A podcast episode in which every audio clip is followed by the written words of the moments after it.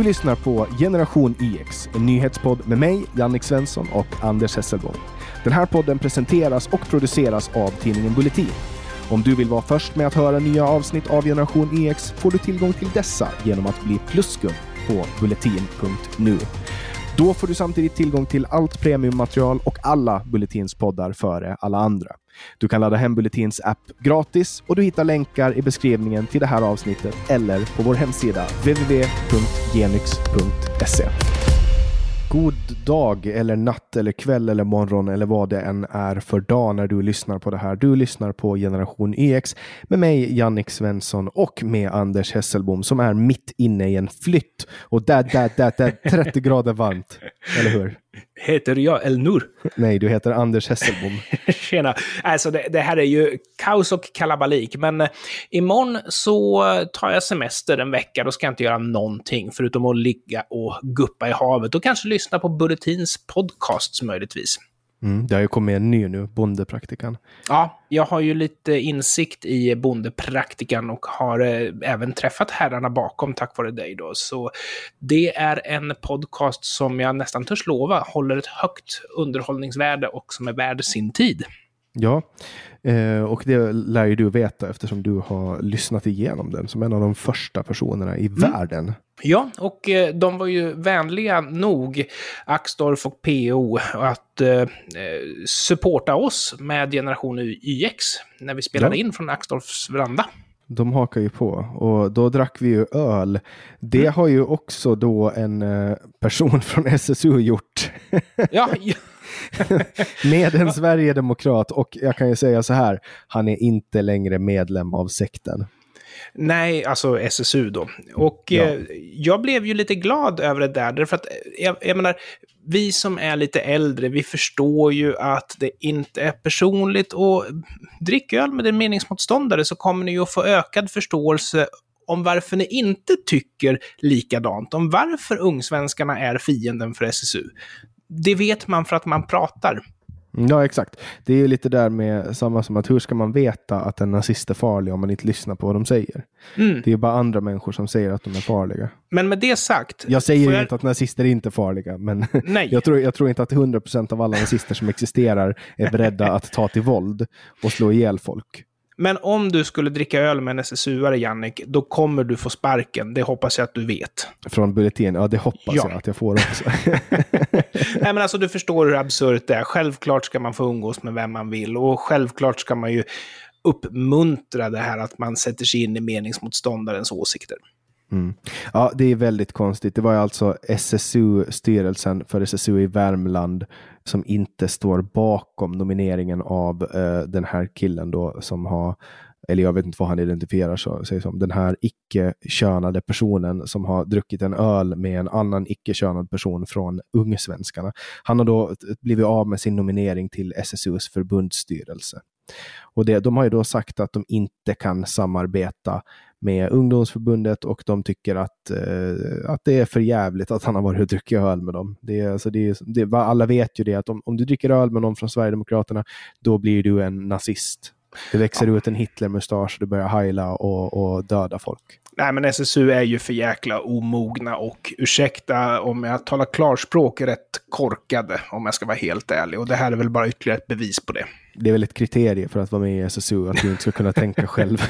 ett annat låter... kriterie, det är att du ska vilja vara en person som vill få hög lön för resten av ditt liv utan att göra någonting, bara mygla.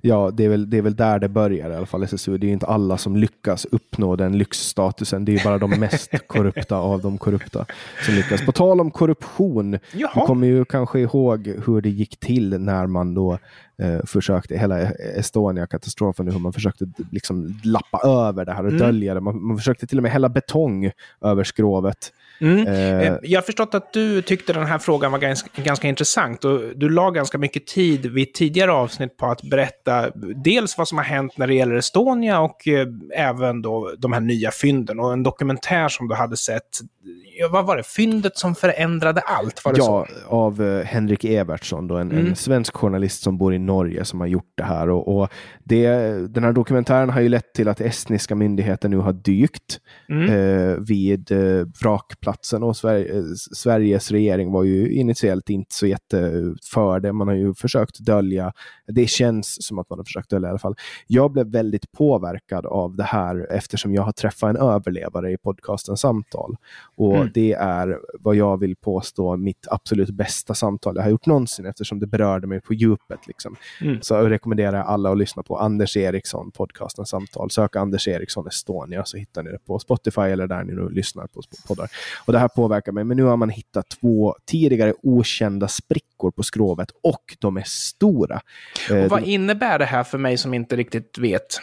Man vet inte om de här har uppstått i samband med eller efter förlisningen. Visar det sig att det här har hänt efter förlisningen, då är det ju inte, då är det någonting som är inte så bra. Alltså det är någonting som har hänt. Man har alltså varit där nere, någon har varit där nere och liksom hållit på. Mm. Eh, och det här är ju en, det här är den största katastrofen som har skett på sjön i modern historia. Det var alltså 852 människor som dog och 501 av dem var svenskar och ändå ville svenska regeringen liksom dölja den här gravplatsen ja. istället för att bärga liken. Som man kunde konstatera ganska kort efter att vara i, i gott skick. Alltså man skulle kunna haft en, en, en värdig begravning för de här människorna. Ja. 137 människor kom med livet i behåll därifrån och en av dem var ju då Anders Eriksson. Men eh, mm. man har nu konstaterat, alltså fästena och låsen på Estonias, Estonias bågvisir var underdimensionerade. Det har man konstaterat och fartyget kantrade till en följd av att stora mängder vatten forsade in på bildäck. Det är den officiella förklaringen. Henrik Evertsson föreslår ju att någonting annat skulle kunna ha hänt och man pratar också med folk då som har sett militära fordon rulla ombord på Estonia och man har konstaterat att det har skett transporter då från före detta Sovjet och att det här ja. kan ha något med det att göra. Det väcker många, många nyfikna frågor. Alltså sprickor i sig sig, det säger ju ingenting. För jag menar, ett, ett tungt skepp kan ju spricka när det landar på botten. Men eh, allting beror ju på hur de ser ut. Och det är väl det som experter får titta på. Jag kan ju inte säga någonting om sånt. Ja, alltså ett sånt här skepp lägger ju sig också, det är ju inte så djupt. Och det här skeppet är väldigt långt. Så att det lägger ju sig på botten först. Och sen ja. Uh, alltså det, det, först lägger det sig akten då, om den sjunker med akten först, eller för, om det är fören först som sjunker. Så att, uh, det är akten först då, och då lägger den sig på botten. Det, det här är över 100 meter långt, ett sånt här skepp. Och mm. så lägger det sig med, med, med akten och sen liksom lägger det sig ner. Det är inte så, jag vet inte om, om det är jättesannolikt att det här har kommit, alltså att det har kommit under, men det, det visar sig. Man är där och tittar, man är där och um, man håller på att göra en förstudie nu Eh, eller man har gjort förstudien och man har liksom hållit på grävt i det här. Och jag hoppas att man kommer att kunna få fram med eh, ny modern teknik, om det är bottenförhållanden som har, har liksom påverkat det här, eller om det är så att det är Sovjet, eller före detta Sovjet, alltså Ryssland. Alltså, båten kan ju ha landat mjukt beroende på vad det är för underlag, men jag menar, jag har ju väldigt lätt att tänka mig att om ett sånt här skepp liksom inte är placerat så som det ska vara placerat så kollapsar det under sin egen vikt för att det är så stort. Men jag bara följer det här med intresse, jag har ju ingenting att säga här. Mm. Nej, men det, det visar sig. Eh, sen har vi också då kunnat konstatera att det finns ett projekt som heter Sluta skjut vilket jag tycker är lite konstigt. Det borde heta Sluta skjuta. Eh, det borde finnas åtminstone en gnutta humor inlagt. Och i Stockholm har 13 personer skjutits ihjäl nu första två kvartalen, vilket är eh, helt sanslöst. Och nu tycker man då att det här projektet Sluta skjut som har då hyllats i Malmö inom citationstecken. Nu ska man ta in det till huvudstaden. Frågan är om det kommer att bli så mycket bättre av att man har något projekt som man kallar för Sluta skjut. Kanske det skulle ha gått bättre om man skulle kalla det för Sluta skjuta, för då kanske folk skulle förstå vad de menar. Nej, men eh, alltså, jag har ju hört att det här projektet ska ha varit väldigt framgångsrikt, men jag har också sett att när det ska beläggas så har det trixats en hel del. Samtidigt så har vi nästan kommit till den grad nu där man önskar att Stefan Löfven skulle sluta bekämpa gängkriminella och den organiserade brottsligheten. För det verkar ju bara bli värre och värre ju mer han håller på. så framstår det. Ja, kanske han har tagit fel strider, kanske han inte har lyssnat på människor. Det är människor som har sagt jättelänge att det kommer att bli mera våld i Sverige om man inte tar och fixar, fixar upp det nu. Och nu har vi ju sett idag då, eh, när vi spelar in det här, så har ju Vetlanda mördaren som högg eh, ett antal personer helt oprovocerat ute på stan eller randomly. Han blev utvisad på obestämd tid och det är ju det man har ropat efter när det kommer till utländska gärningsmän. Eh, att man kanske sänker ribban lite för, eh, eller höjer ribban lite för de här vansinnesdåden och eh, skotten. Att man riskerar alltså att bli bortskickad från Sverige eh, om man gör något sånt här. Nu säger jag ju inte att alla som, som håller på med den här verksamheten har, har invandrarbakgrund, men de som har det kanske inte är lika sannolika att göra det om det är så att de riskerar också eh, att bli utvisade från Sverige. Men nu har man ju åtminstone, det verkar som att rättsväsendet har, har eh, hängivit sig lite åt utvisningar, för det har man ju inte gjort tidigare, tycker jag, jättemycket. Eller Nej, man har åtminstone inte kunnat verkställa dem. Men pratar du om Tamim Sultani som uh, attackerade folk med kniv i Vetlanda? Är det han du pratar om? Ja, exakt. Är han utvisad? Han har blivit utvisad på obestämd tid. Jag trodde han fick fängelse. Först fängelse och sen utvisning. Ja, men då tycker jag att vi kan benåda honom. Varför det? Om det är så att han inte kan få fängelsestraff för att uh, attackera folk med kniv, då försvinner ju in incitamentet för honom att attackera folk med kniv benåda honom och skicka hem, hem honom. Vi kan bjuda honom på en första klassbiljett. Ja, han fick ju, han fick ju livstidsfängelse, så nu ska ju vi få betala för honom. Ja, det är det jag säger. Benåda honom. Ingen kan benåda i Sverige. Det vore bra, där, därför att jag tror att mycket av eh, hans kriminalitet kan säkert förklaras med att han måste begå illgärningar för att få den här fängelsetiden. Det är ju tak över huvudet, gratis internet, husrum, mat, allting liksom. Mm. Ja, nu har han eh, alltså, han döms då av Eksjö tingsrätt till livstidsfängelse för sju mordförsök och ringa narkotikabrott. Uh, han döms till livstidsfängelse och utvisning. Han ska också betala 125 000 kronor i skadestånd uh, till var och ett av offren. Det kommer inte att hända. Nej, var ska han få dem ifrån? Det kommer inte att hända. Det är tråkigt. Alltså att det där är, offren måste åtminstone kunna förvänta sig att att få någonting. Ja, nej, jag, jag, skulle säga att vi har ett systemfel här. Jag tror att eh, hade vi haft ordning på våra rutiner och regler så tror jag nog att verkligheten hade sett bättre ut om jag ska vara helt ärlig. Antagligen. Eh, ja, det, jag vet inte vad jag ska säga. Det, vi, alltså det har pratat så mycket om de här sakerna så att man blir nästan lite trött av att prata om det. Sen har vi också då rapartisten Yassin som vi har nämnt ett antal gånger. Han har ju blivit dömd till tio månaders fängelse nu. Tur att han åtminstone får komma med in i fängelse, får ta med sig sin P3 Guldplatta. han är ju flerfaldigt P3 Guld-vinnande artist och han vann Grammis och allting. Så jag menar, han går ingen nöd på. Men alltså, nu när vi ändå är inne på det här spåret, skulle vi leka med tanken att även benåda honom och eh, skicka hem honom till Egypten? Det skulle Men, väl vara... Är inte han född i Sverige, eller? Jag vet inte, jag förstår ju såklart att det inte går, men jag bara tänker att eh, hur skulle diskussionen liksom vara om det är så att kriminalitet, grov kriminalitet i Sverige utförs under hotet om utvisning? Skulle det vara så att Yassin fortfarande skulle skryta om sina dåd i sina raptexter då? Tveksam. Ja, antagligen inte. Eh, men det var ju väldigt många som föll i den här rättegången. Ja. Alltså eh, Vårbynätverket kallas det för och, och, det är alltså 30 personer som har blivit dömda varav ledaren mm. blev dömd för eh, till 17 år och 10 månader för, ja, eh, då är det grov kriminalitet får jag säga. Jag vill ja. också bara för sakens skull säga att jag har inte ens brytt mig om att sätta mig in i vad de är åtalade för, utan jag bara vet liksom rubriksättningarna på de olika. Jag litar på att juridiken i Sverige funkar. Men jag bara tycker att den här tanken är så intressant eftersom vi har haft den här diskussionen om belastningar. Att ingen människa kan vara en belastning. Ett sätt att göra att ingen människa verkligen är en belastning för någon annan, det är att avlägsna personer som inte gör önskade gärningar från personer som inte vill ha de här gärningarna gjorda emot sig. Det är ju ett sätt att verkligen göra att ingen människa är en belastning. Och det är ju fängelse är ju ett sånt alternativ, men det kostar fängelse mycket pengar. Fängelse är ett sånt alternativ. Ja, precis. Det är dyrt. Men faktum är ju att eh, det är ju bara den tiden du sitter i fängelse som du inte begår nya brott av den karaktären.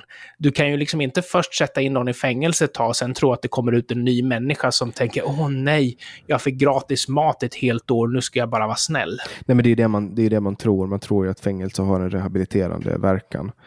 Uh, det har du inte alltid. Sen har vi ju återfallsförbrytare som inte kan liksom förhindras Ja. från att återfallsförbryta helt enkelt. Det är, Men det viktigaste det är ju att personer som är farliga ska ju inte gå ute på gatan. Det är ju det som är det viktigaste med fängelse. Nej, men så är det ju. Sen, men sen stoppar man ju folk som gör, begår skattebrott och sådana saker som, som inte har offer på det sättet. Alltså de hotar inte andra människors liv. Eh, de får också sitta i fängelse. Ja, det är konstigt att inte finansiella straff bara där faktiskt, om man ska vara helt ärlig. De är ju inte samhällsfarliga, plus att det är ju pengar de vill åt liksom. Ja, nej, men näringsförbud, eh, Mm. straffarbete, alltså någonting borde man ju kunna göra. Man kan väl Ja. använda dem på något sätt. Jag tycker att Yassins straff skulle ju vara, med tanke på vem han är och var han kommer ifrån, hans straff skulle ju vara att ett år utan att få använda internet. det, skulle ju antagligen leda till ett, eh, ett psykiskt nervöst sammanbrott. Ja, fast jag tror å andra sidan att det skulle få honom att tänka. Mm. Ja, kanske. Nu, nu använder de ju internet i fängelserna också. Det är ju synnerligen lätt att smuggla in både datorer och telefoner dit. Jag tror till och med att de får använda internet i fängelset om det inte är så att Nej, du... jag tror inte. Ja, det finns ju vissa typer av brott där du inte får göra det, men det normala är ju att du får använda internet i fängelset. Du får använda deras wifi liksom. Okej, ja det visste jag inte. Ja, nej men eh, public service eh, tycker väl inte att det är så kul att deras gullegris nu ska sitta i fängelse, men eh, de kanske får åka in och träffa honom där. Vem vet? Ja, ja visst. Ja, visst. Du, får jag säga någonting om public service? Det är väl klart, det här är ju Sveriges mest public service-kritiska podd. Det, vi, Ja. det hör till, det är ett stående inslag. ja, för vi måste ju skilja på statlig media och fri media. Och det här hoppas jag är helt okontroversiellt. Att statligt finansierad eller statligt ägd media, det är ju media som är fullproppat med regleringar. Det ska vara objektivt, de får inte gynna någon, det måste vara liksom proffsigt på, på ett visst sätt. Medan fri media, det är ju media som saknar regleringar. Fri media är alltså kommersiell media. Åtminstone tidningar och bloggar och sådana saker. Men nu har vi en pågående debatt om att man skulle ha personer som politiskt granskar hur olika inslag vinklas på public service, alltså på Sveriges Radio och Sveriges, Sveriges Television. Och det skulle ju då öka kvaliteten och skapa känslan av att public service är oberoende, inte bara bland personer som är regeringsvänliga, utan även oppositionen skulle kunna odla den här tanken om att public service är oberoende och objektiv. Men det här är alltså en förbättring som public service själva inte vill ha. Och de pladdrar på om åh, vi måste få göra vad vi vill för annars är det inte fri media. Ja, men ni ska inte jobba på statligt ägd media om ni vill ha fri media, för statligt ägd media är redan idag fullproppad av regleringar och krav. Jag menar, börja jobba på en privatägd tidning eller börja skriva en blogg om det är så att du vill syssla med fri media. Mm, alltså det är ju verkligen som Minitrue från eh, 1984. Eh, alltså sanningsministeriet. Mm. De, de säger en sak men de menar en annan. Som till exempel, de har ju den här parollen om oberoende journalistik. Ja, när det är raka motsatsen. Alltså de är ju Mm. beroende av mediestöd. När jag det läste är om det här så tänkte jag då. exakt på det här med double speak. Att de pratar om Double fri think. media. Ja, men double speak, alltså du säger en sak men du menar en annan. Och de säger fri media när de egentligen menar statlig media. Liksom. Ja. Double think är en sak, dubbeltänk, eh, Ja. double speak är också en, en sak som Orwell har presenterat i samma bok. Mm. Jag, brukar ju, jag brukar ju refresha mitt mind med den här boken en gång per år och nu är det faktiskt exakt ett år sedan, ungefär juli eller augusti för ett år sedan som jag läste den, så det är dags igen. Jag önskar att alla läste den boken och jag hoppas att liksom allt det här snacket om ja, nu sitter övervakningskameror där, så nu är vi liksom i 1984. Nej, men alltså, det är ju kontrollen av tankar och åsikter som är 1984. Övervakning på allmän plats, jag menar, vet du om det så är du ju knappast begränsad i ditt fria liv om du är så att du vet att det sitter en övervakningskamera där liksom. Big Brother see you. Jag har ju kameror på mig riktade alla dagar nu när jag sänder radio. Fyra Mm. kameror som står och pekade mot mig. Stil FM, igen, bra tips. Tack. Eh, alla som vill lyssna på bra musik, gå in där under sommaren. Jag sänder radio mellan 13 och 16 alla dagar. Nu, nu har vi ju, du, du håller på och flyttar Anders. Du Ja. behöver rusa. Ja, så är det. Det är kaos och kalabalik. Jag har sparat mikrofonen upppackad för att kunna göra det här med dig. Det är inte omöjligt att jag tar in vikarier nu under tiden som du har kaos. Ja, men du skulle nästan göra mig en tjänst om du gör det faktiskt. Och eh, jag är helt övertygad om att det finns många lyssnare som snarare blir glada om det är så att de får höra någon annan än tyckomanen Anders Hesselbom för en gångs skull. Det har ju hänt förr att du har tagit in vikarie. Ja, det har ju du också gjort. Ja. Det, det återstår att se. Eh, 20 minuter ungefär fick ni idag. Vi är tillbaks nästa vecka i Generation YX. Jag får ju tacka dig så jättemycket Anders för att du är en hjälte och inte packar ner din mikrofon. det ska jag göra nu. Stort tack Jannik och tack så mycket för att ni lyssnar. Vi hörs om en vecka igen. Ha det så bra allihopa. Hej då!